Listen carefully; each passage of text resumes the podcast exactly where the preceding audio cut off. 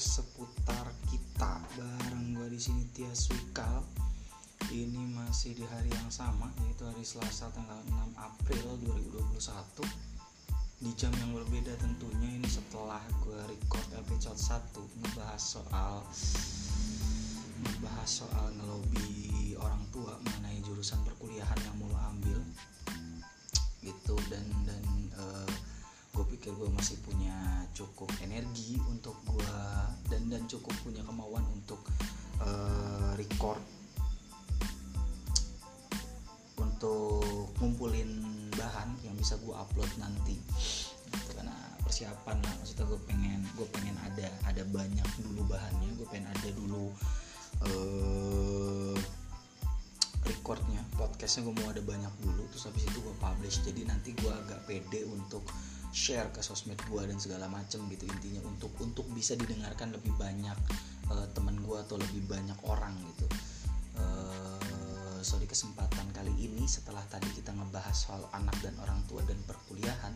Hmm, sekarang di sini gue akan ngebahas tentang apa yang gue obrolin sekitar mungkin pagi tadi kalau nggak salah pagi atau siang tadi. Oh eh, kayaknya enggak deh pagi siang. Oh pagi pagi. Eh enggak enggak bukan. Eh siang siang kemarin. Siang atau sore kemarin sama temen gue sama temen gue tentang permasalahan eh nikah muda. Umur gue 23 by the way informasi aja. Sekedar informasi umur gue 23 tahun. Kalau ngitung tahun mungkin udah 24 tapi ya ya karena belum nyampe bulannya jadi oke kita lihat saya 23 aja. Uh, dan gue masih kuliah gue masih kuliah jadi uh, kalau nggak salah usia produktif usia usia usia ideal bukan usia produktif usia ideal untuk menikah setahu gue itu di 2725 gitu. 27 tuh laki 25 tuh cewek nggak salah kalau nggak salah. Se -se seingat gue di iklan layanan masyarakat yang pakai pakai lagu rap gitu ke dua tujuh dua lima apaan gitu iklan dulu sebentar lah ngomong-ngomongin iklan dulu sebenarnya. Sampai sekarang iklan-iklan gitu baik itu iklan produk layanan masyarakat jasa dan segala macam itu kenapa ya rata-rata pakai kenapa sih pakai pakai pakai lagu gitu? Maksudnya kenapa? Ya mungkin untuk untuk lebih mudah menyampaikan pesannya aja kali ya tapi kan ya ya udahlah gitu. Ya iya gue sih gue sih jadinya gini untuk untuk satu satu ini kan maksudnya cukup dengan kayak ada dialog atau misalkan ada scene apa gitu kan percakapan atau apa menurut gue itu udah cukup tanpa harus tanpa harus dinyanyikan gitu. Effortnya tuh uh, effortnya tuh effortnya agak berlebihan aja sih kalau menurut gue tapi ya ya ya udah. Tapi ya ya ya oh kita, kita balik lagi kita balik ya intinya uh, usia usia pernikahan ideal itu di 27 itu untuk laki biasanya untuk perempuan itu kalau nggak salah 25 entah udah rubah atau enggak atau gue salah nangkap atau gimana tapi kalau nggak salah 27 25 dan uh, yang terjadi di sekitar gue ya di sekitar gue karena ini gue gue ulang lagi karena ini podcast sekitar kita gitu kan. Jadi ya ini sekitaran sekitaran gue aja. Dan dan dan uh, mungkin mungkin lu nanya kalau lagi kan sekitar kita berarti kan ada ininya. Sorry gue orang Cirebon. Kalau kalau di Cirebon kita itu artinya saya. Jadi uh, jadi podcast sekitar itu ke podcast sekitar kita itu artinya podcast sekitar saya podcast sekitar gue gitu. Jadi ya emang agak trik ya udah nggak apa-apa lah sebenarnya gue identik banget sama nama kita sih karena bukan bukan hanya dari Cirebon gitu. Uh, gue pernah bikin channel YouTube sama sama teman gue yang yang juga ngobrolin hal yang sama soal nikah muda ini. Gue pernah bikin channel YouTube itu namanya udah eye catching uh, bu eye catching nama bisa nyolok mata. Namanya udah ear catch banget. Jadi namanya itu kata kita itu diksi yang bagus menurut gue tapi ternyata setelah gue cek itu banyaknya minta ampun yang pakai nama kata kita. Jadi ternyata uh, bukan ternyata jadi kalau gue pada waktu itu sama temen gue itu nggak konsisten dan memang jadinya nggak konsisten itu bakalan bener-bener ketutup gitu. Itu bakalan bener-bener ketutup dan memang visi visi misi visi misi kami udah beda aja gitu. Ya oke balik lagi. Manjang-manjangin durasi nggak gini juga kali kalau goblok tentang nikah muda. Yang terjadi di sekitar gue sama teman-teman gue sama mungkin keluarga gue gitu. Itu di umur sebelum itu ya sebelum 25 itu udah pada nikah. Teman-teman gue teman-teman gue teman SMP teman SD sampai teman SMA itu udah banyak banget yang udah nikah. Bahkan nggak nggak satu dua orang juga yang punya anak udah lebih dari satu. Gitu. Dan dan uh, itu di luar gue tahu kondisi finansial mereka seperti apa tapi intinya udah banyak yang menikah dan tidak lebih tidak sedikit juga yang punya anak yang sudah lebih dari uh, satu. Intinya kayak gitu. Nah uh, itu itu awalnya tidak jadi keresahan gue itu awalnya tidak jadi keresahan gue itu mulai jadi keresahan gue di mana pada saat uh, pada saat atau di kondisi di mana sekarang gue masih kuliah dan tentunya belum siap secara finansial. Kalau untuk secara mental gue nggak tahu. Tapi ini kalau untuk secara finansial udah jelas belum siap banget. Karena masih masih hanya masih uang gue hanya uh, cukup untuk membiayai uh, ya kehidupan hura-huranya gue aja gitu. Maksudnya untuk untuk main untuk jajan segala macam itu masih bisa. Tapi kalau misalkan untuk uh, ditabung agak lebih dan nantinya untuk dilanjutkan ke masalah rumah tangga segala macam itu masih jauh banget tahapannya dari situ. Jadi jadi problemnya yang pertama itu dan yang kedua adalah di mana teman-teman gue satu persatu itu udah pada nikah semua. Udah pada nikah semua yang, yang udah gue bilang tadi. Dan kekhawatirannya adalah muncul ketika karena gue tahu tahapan yang gue lewatin ini uh, agak lambat. Kondisinya kondisinya gini mungkin gue cerita sedikit. Kondisinya adalah uh, gue lulus SMA tahun 2016 gue lulus SMA tahun 2016 dan gue pernah uh, dan 2016 itu gue langsung gue langsung keterima di uh, salah satu kampus swasta di Bandung. Dan gue kuliah selama tiga tahun and then something happen dan gue cabut gue cabut dan di 2019 itu gue masuk lagi di univ lokal. Univ lokal di di di kota gue di Cirebon. Salah satu univ lokal uh, di Cirebon. Dan gue ngulang lagi. Dan jadi sekarang itu gue baru semester di 2021 ini gue baru semester 4 ya gue baru semester 4 uh, gue baru semester 4 lagi jalan semester 4 jadi ada problem di mana? Ini problem gue nih ini problem gue dulu. Problemnya adalah satu gue nggak pernah bisa cocok. Belum belum pernah bisa cocok sama teman-teman angkatan gue yang sekarang. Di 2019 di anak-anak 2019 jadi yang yang gap itu dari gue yang aslinya angkatan 2016 gitu. Jadi kelahiran 90-an sama kelahiran 2000 tuh gapnya emang rada jauh banget. Orang cuma berapa tahun tapi gapnya jauh banget.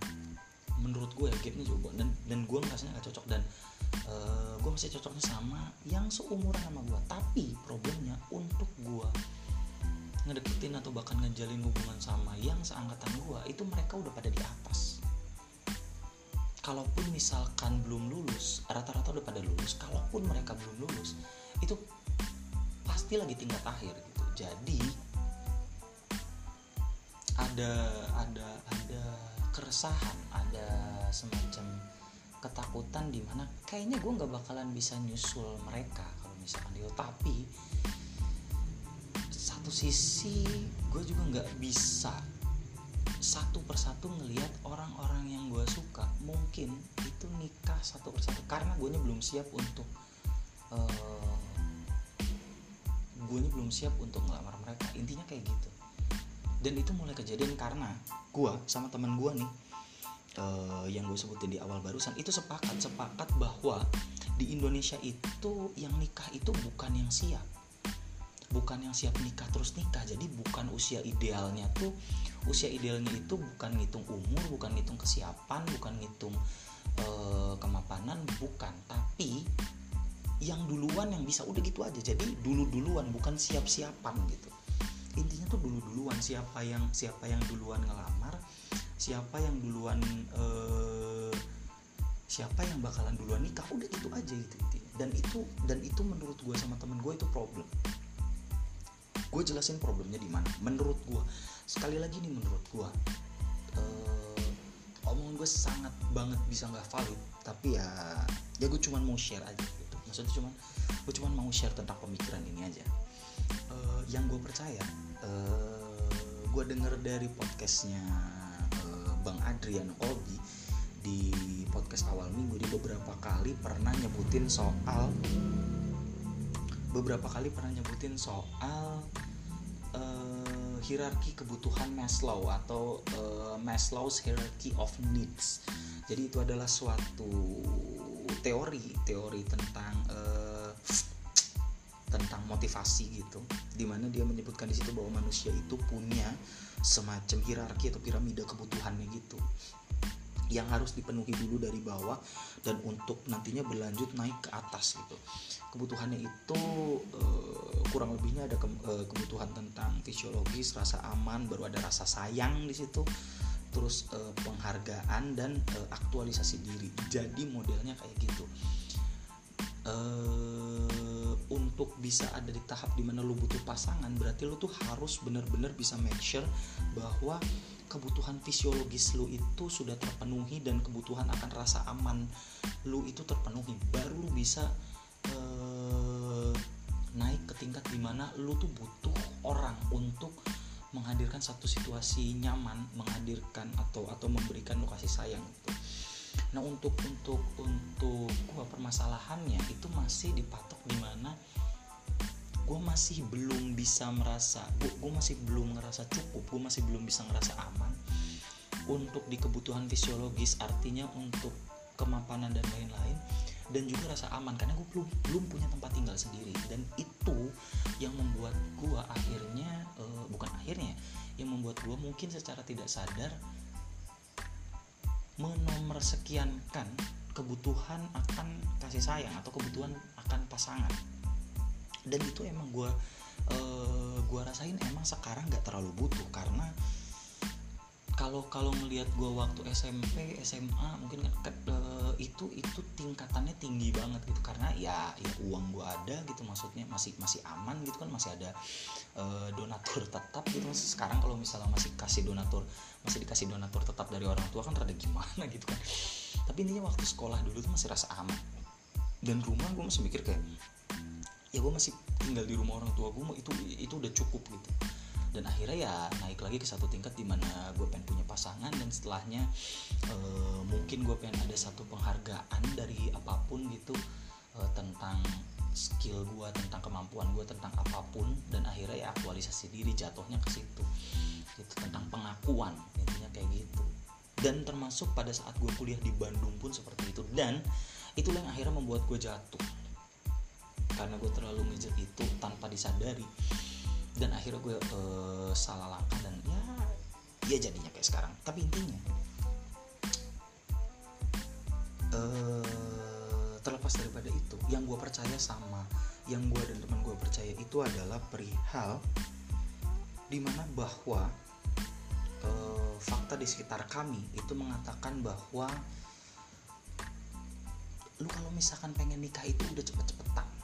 Intinya tuh cepet-cepetan masih masih ada proses uh, masih masih ada prosesnya itu uh, mapannya itu nanti aja gitu setelah nikah dan segala macam gitu. Jadi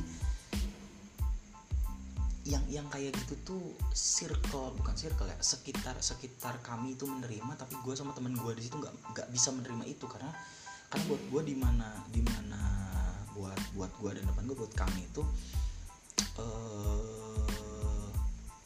semisal gue punya kerjaan. Semisal gue punya kerjaan gue udah punya kerjaan tetap semisal gitu. Gue udah punya kerjaan tetap dan gue udah punya gaji yang tetap.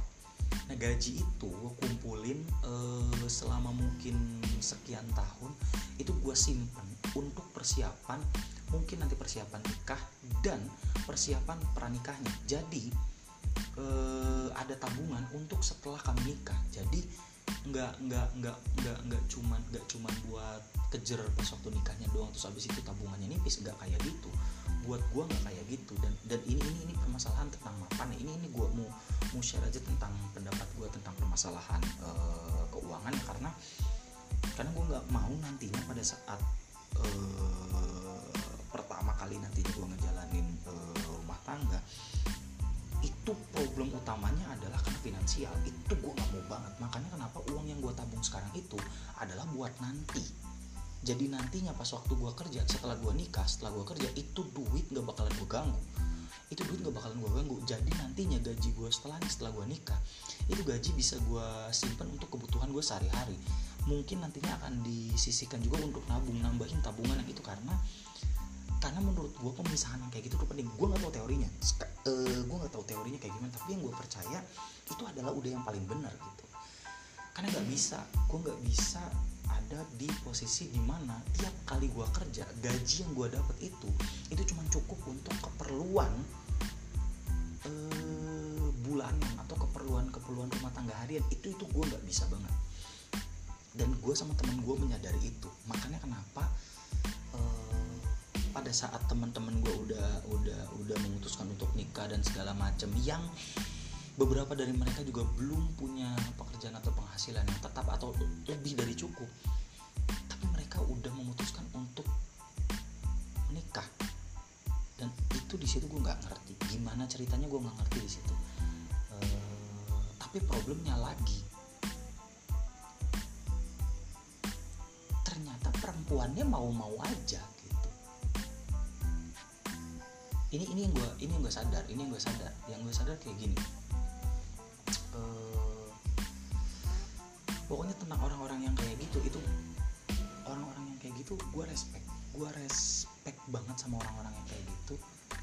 Hanya saja hanya saja apa pun apa pun alasan apa pun alasannya uh, mereka memilih untuk uh, menikah apa pun alasannya apa pun alasannya yang ada di pikiran gue yang ada di pikiran gue itu cuman kalau orang e, sudah memutuskan untuk menikah muda entah dengan pertimbangan apa pun yang ada di pikiran gue itu cuman either itu orang e, percaya banget sama takdir Tuhan atau dia yakin banget orang tuanya gak pernah miskin. Sudah udah itu doang itu doang. Iya iya iya. Ya yang pasti banyak yang tersinggung. Cuma maksudnya yang gue percaya itu itu yang gue percaya itu yang gue percaya. Karena karena kehidupan keluarga gue ya kehidupan yang cukup cukup aja gitu maksudnya. Di kehidupan yang cukup cukup ini aja itu kurangnya tuh ternyata banyak. Di kehidupan yang cukup cukup aja ini ternyata kurangnya tuh banyak gitu. Itu yang cukup gitu loh. Maksudnya pas waktu gue uh, pengen sekolah pengen apa pengen beli ini pengen beli itu itu masih masih bisa keturun dan itu tuh sebenarnya masih ada kurangnya. Gimana kalau misalkan yang kondisi keuangan suatu uh, rumah tangganya itu memang tidak mencukupi gitu. Terus terus gimana gitu? Pro problemnya tuh akan akan cuman ada di situ gitu nantinya. Dan dan gue nggak mau ada di situ. Dan uh, ini yang gue amati ini yang gue amati. Yang gue amati adalah kenapa kenapa akhirnya perempuannya itu atau kebanyakan teman-teman perempuan gue sekitar sekitar gue itu circle gue itu kebanyakan seperti uh, tidak punya keinginan atau tidak punya apa ya, ya sebetulnya tidak punya keinginan uh, untuk hidup bersama orang tertentu. Jadi cenderung kayak ada yang lamar oh ya udah gitu. Itu dan dan itu menurut gue problem dan itu menurut gue problem. Karena karena gini gue menjelasin uh, sesuatu dulu. Dari pengamatan gue usia muda mungkin usia sekolah atau misal usia lagi kuliah kayak gitu pokoknya intinya di usia muda laki-laki itu cenderung punya uh, keinginan untuk mempunyai pasangan. Tapi setelah nanti dia dewasa kalau misalkan sampai nanti dia dewasa itu dia belum belum mempunyai pasangan keinginannya itu akan akan luntur dengan sendirinya karena mungkin eh, dia sudah nyaman dengan kondisinya dia yang sekarang jadi dia nggak butuh sosok pendamping. Tapi kalau perempuan itu yang gue perhatiin perempuan sekitar gue itu justru terbalik. Yang biasanya di masa-masa mudanya itu tidak terlalu peduli dengan uh, pasangan tapi nanti pas waktu usia uh, dewasanya dia akan punya kecenderungan untuk butuh sama pasangan. Dan dan kalau misalkan di masa di masa-masa itu dia sama sekali nggak punya pasangan dia akan lebih cenderung untuk ya sudah gitu siapa pun yang ada ya itulah yang dia iakan gitu. Jadinya kesannya seperti dia nggak punya keinginan untuk hidup dengan orang yang dia mau dan dan dan itu problem. Menurut gue itu problem. Dan itu problem menurut gue dan itu terjadi di lingkungan sekitar itu problem. Kalau kalau menurut gue itu problem. Itu karena uh, bukankah itu nantinya akan seperti tidak membuat eh bukankah itu akan seperti membuat si perempuannya ini seperti tidak ada nilainya atau seperti apa gue nggak gue nggak tahu gue nggak tahu. Tapi intinya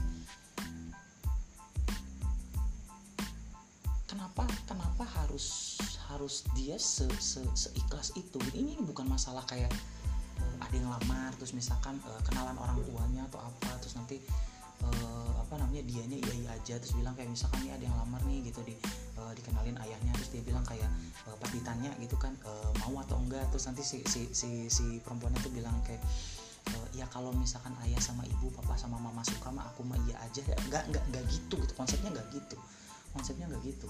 Ini ini ini problemnya problemnya sama kayak kemarin yang kenapa lu bisa sengotot itu untuk kuliah di jurusan atau di kampus yang lu mau tapi untuk urusan uh, partner hidup lu nanti mungkin 40-50 tahun ke depan lu bisa gampang itu aja nerima. Kalau misalkan lu punya sifat sifat sekeras itu waktu muda kenapa harus luntur gitu tuh? Kenapa harus luntur? Adaptasi boleh tapi gak, gak sampai luntur segitunya karena yakin lu bisa tahan untuk kehidupan uh, mungkin setahun dua tahun sama sama orang yang bahkan lu nggak mungkin lu nggak kenal atau lu nggak suka gitu. Tuh tapi kalau misalkan udah lima tahun 10 tahun lu udah punya anak mungkin anak lu nanti udah udah besar udah apa segala macem yakin lu bakal tahan dan kayak gitu.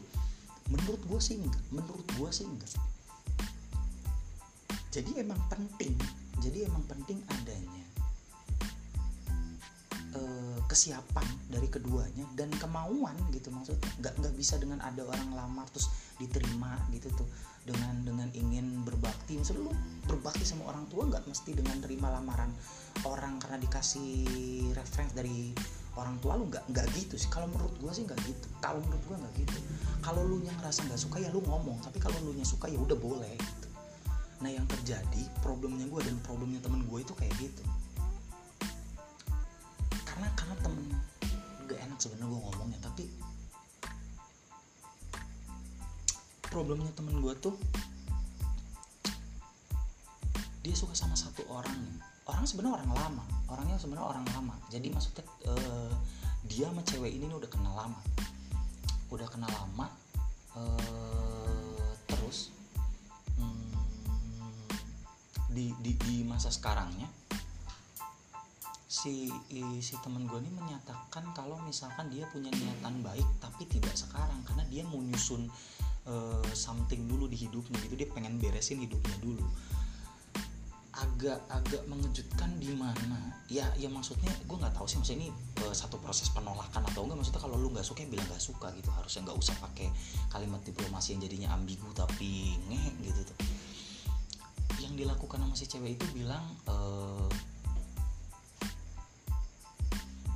ya udah urusin kalau kalau nggak salah jadi uh, si ceweknya tuh bilang ya udah urusin aja dulu urusannya nanti kalau misalkan udah udah uh, kalau misalkan berapa tahun ke depan terus ternyata dia masih sama masih punya niatan yang sama rasanya masih sama ya datang lagi nggak apa-apa gitu tuh. Dan dan uh, pas nyampe situ tuh uh, temen gue kayak ya temen gue sih kayak optimis optimis aja gitu oh berarti ya maksudnya ada chance lah kebuka tapi ternyata tanpa disadari chance itu kalau kalau misalkan kalimat itu rada rada di agak dibedah lagi agak dipahami lebih dalam lagi chance itu tidak hanya terbuka untuk dia chance itu terbuka untuk semua orang.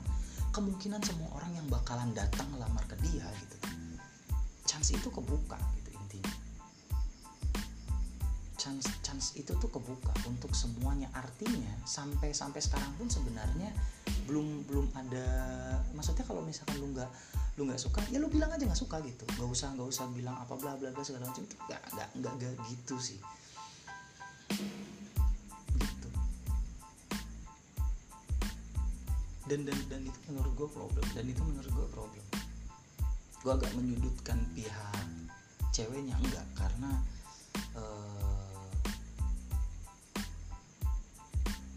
karena itu haknya dia juga. Tapi pertanyaan gue sekarang adalah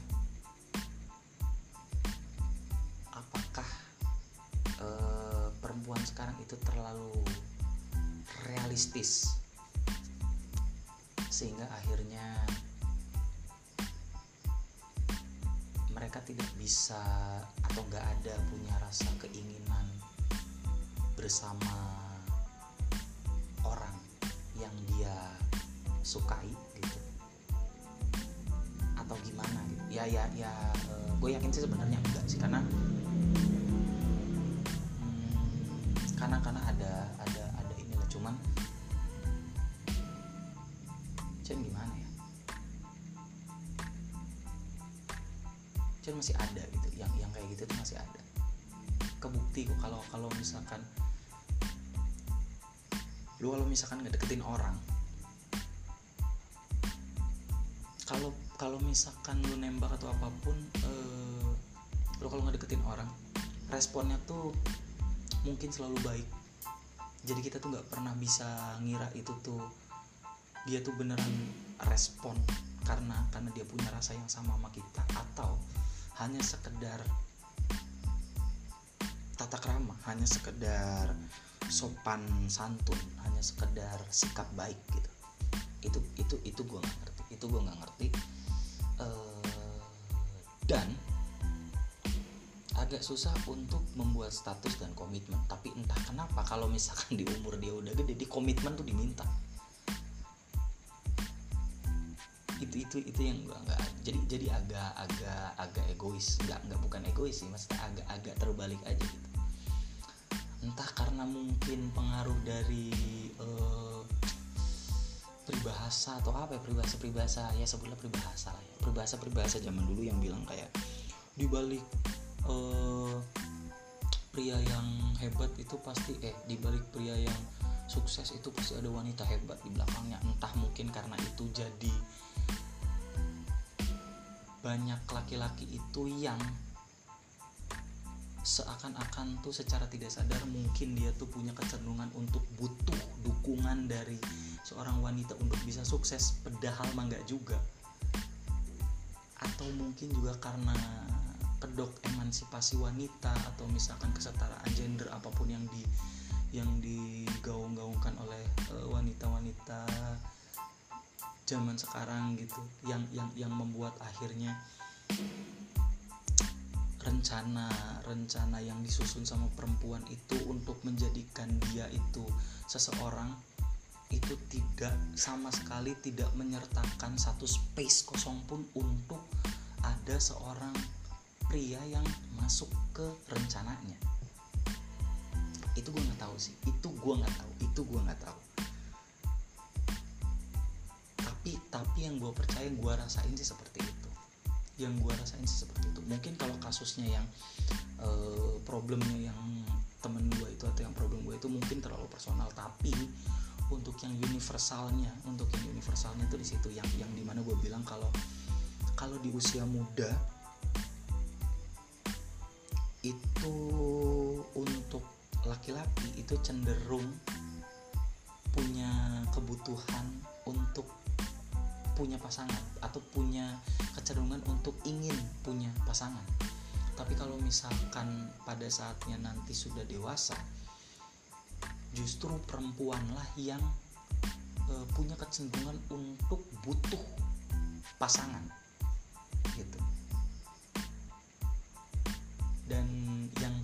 gitu itu nggak ngerti. Kalau yang gue pikirin cuman mungkin karena ya ya enggak juga sih tapi uh, kalau kalau mau dipikir secara secara komedinya kalau menurut gue ya, ya mungkin yang tadi gue bilang gitu jadi mungkin karena ya peribahasa peribahasa dibalik oh, lelaki sukses ada wanita hebat di belakangnya gitu sehingga banyak banyak banyak uh, banyak laki-laki yang kalau pengen sukses tuh butuh butuh pasangan dulu bang. Itu juga sih yang kayak gitu gitu atau mungkin karena hierarki kebutuhan tadi yang yang emang harus terpenuhi dulu gitu untuk nyampe bisa ke atas gitu. Gue nggak ngerti. Dan untuk perempuan mungkin karena uh, apa emansipasi emansipasi kayak gitu ya. Ya gue nggak ngerti lah maksudnya kayak apa pun yang lu percaya gitu apa pun yang lu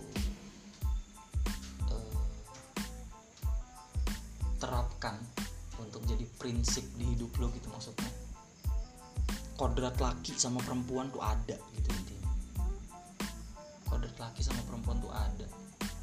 Karena pada dasarnya memang kita tuh saling membutuhkan saling saling menginginkan gitu. inti inti intinya sih kayak gitu intinya sih kayak gitu. Ya ya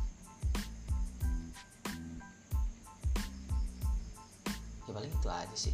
Udah ya gue nggak tahu ini termasuk ngelantur atau enggak tapi ya bodo amat. He episode kedua. Bisa bisa jadi lebih baik lah. Mungkin gue akan bahas ini lagi setelah pemahaman gue jadi lebih banyak. Mungkin gue akan pastinya sih pastinya gue akan bahas ini lagi setelah gue lebih dewasa lagi. Gitu. jauh lebih dewasa lagi jauh lebih memahami situasinya jauh lebih bertanya dan ngobrol sama banyak orang gitu. Gue pasti akan bahas ini lagi gue pasti akan bahas ini. Ini bahasan yang penting banget buat gue intinya kayak gitu. But ya mungkin itu aja. Terima kasih lagi untuk yang sudah mendengarkan. Kalau ada yang mendengarkan sekali lagi gitu. gue tadinya gini ini, ini, ini agak agak agak ini uh, awal awalnya tuh awalnya gue punya punya semacam kayak tagline gitu. Nggak bisa tagline atau cash price uh, cash price gitu atau gimana lah. Tapi intinya gini kenapa gue namain itu podcast sekitar kita? Karena bukan bukan hanya karena uh, match sama uh, latar belakang gue kenapa bikin podcast ini tapi juga karena singkatannya. Singkatannya kalau misalkan si podcast seputar kita itu akan jadi PSK jadi ayo geli sendiri dengernya tapi aduh ini terlalu inilah tapi nggak apa-apa lah. Gue pengennya awalnya gini. Jadi uh, nantinya di, di ending gue gue pengen bilang gini oke gue coba ya. Gini aja. Oke nih udah uh, kalau lu kalau lu cari oh terima kasih yang udah dengerin gitu kan. Sorry kalau misalkan uh, omongan gue ada yang lo menyinggung. Kalau misalnya lu cari yang uh, bermutu lu cari aja di kalau uh, kalau lu cari yang bermutu lu baca buku lu cari yang lain lu belajar. Tapi kalau misalkan lu butuh teman tidur lu lu boleh pencet PSK aja ini gue bagus banget. Ya bodo amat lah. Dah yuk bubar